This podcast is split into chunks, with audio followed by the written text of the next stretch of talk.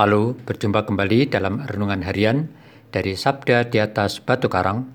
Bersama saya Antonius Burbiatmadi dari Paroki Maria Bunda Segala Bangsa Kota Wisata Keuskupan Bogor. Saudara-saudari yang terkasih, hari ini Kamis tanggal 10 Februari adalah hari biasa pekan kelima. Hari ini gereja memperingati Santa Skolastika seorang perawan dan Santo Sinon seorang pertapa. Tema renungan kita hari ini keberanian penuh iman yang terinspirasi dari bacaan kitab suci hari ini. Bacaan pertama diambil dari kitab pertama Raja-Raja pasal 11 ayat 4 sampai 13 dan bacaan Injil suci dari Injil Markus pasal 7 ayat 24 sampai dengan 30. Mari kita dengarkan sabda Tuhan. Pada waktu itu, Yesus meninggalkan daerah Galilea dan berangkat ke daerah Tirus ia masuk ke sebuah rumah dan tidak mau bahwa ada orang yang mengetahuinya.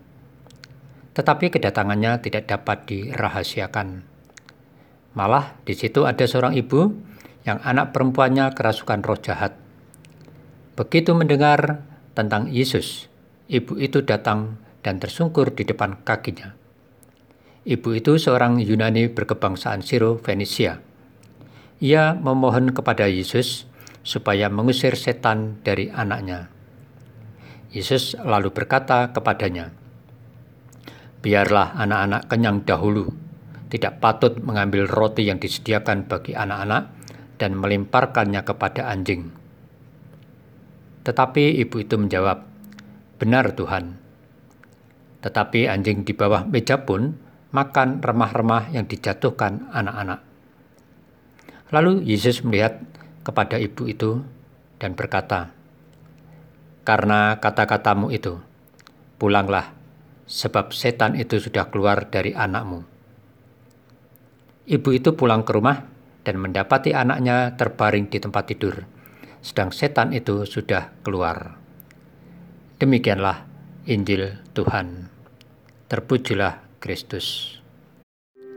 Saudara-saudari yang terkasih, dalam bacaan Injil, kita dengarkan bahwa kedatangan Yesus di daerah Tirus, meski secara rahasia, diam-diam toh banyak orang tahu juga. Termasuk kedatangan seorang Sirofenisia yang tahu bahwa Yesus masuk ke daerahnya, maka ia pun berusaha untuk menemui Yesus untuk memohon penyembuhan anaknya yang sakit akibat kerasukan setan.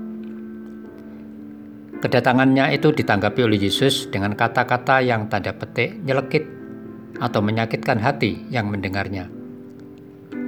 Namun perempuan Sirofenisia itu tidak terpengaruh oleh kata-kata Yesus dan ia sadar akan dirinya dan dengan gigih meminta tanda petik remah-remah belas kasihan Yesus.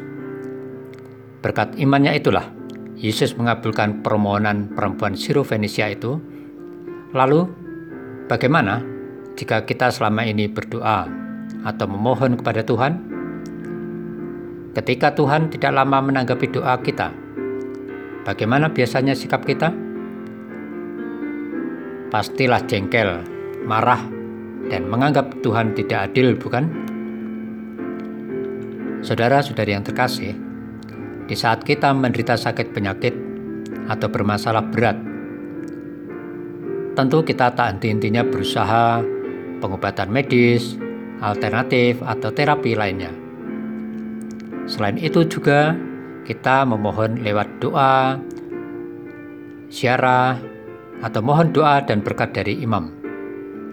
Kita memang harus memiliki daya kesabaran, kegigihan dalam memohon kepada Tuhan. Doa yang lama tak ada tanggapan dari Tuhan kadang membuat kita merasa bahwa berdoa itu tidak ada gunanya. Namun sebagai orang beriman, mari kita seperti perempuan Sirofenisia itu yang gigih dalam berusaha bertemu Yesus dan memiliki iman yang kuat kepada Yesus. Semoga melalui sabda Tuhan hari ini, kita terdorong untuk selalu terus berdoa kepada Tuhan dan memiliki keyakinan iman bahwa pada akhirnya Tuhan pun akan mengabulkan permohonan kita. Ya Yesus, tambahkanlah imanku akan kuasamu. Amin.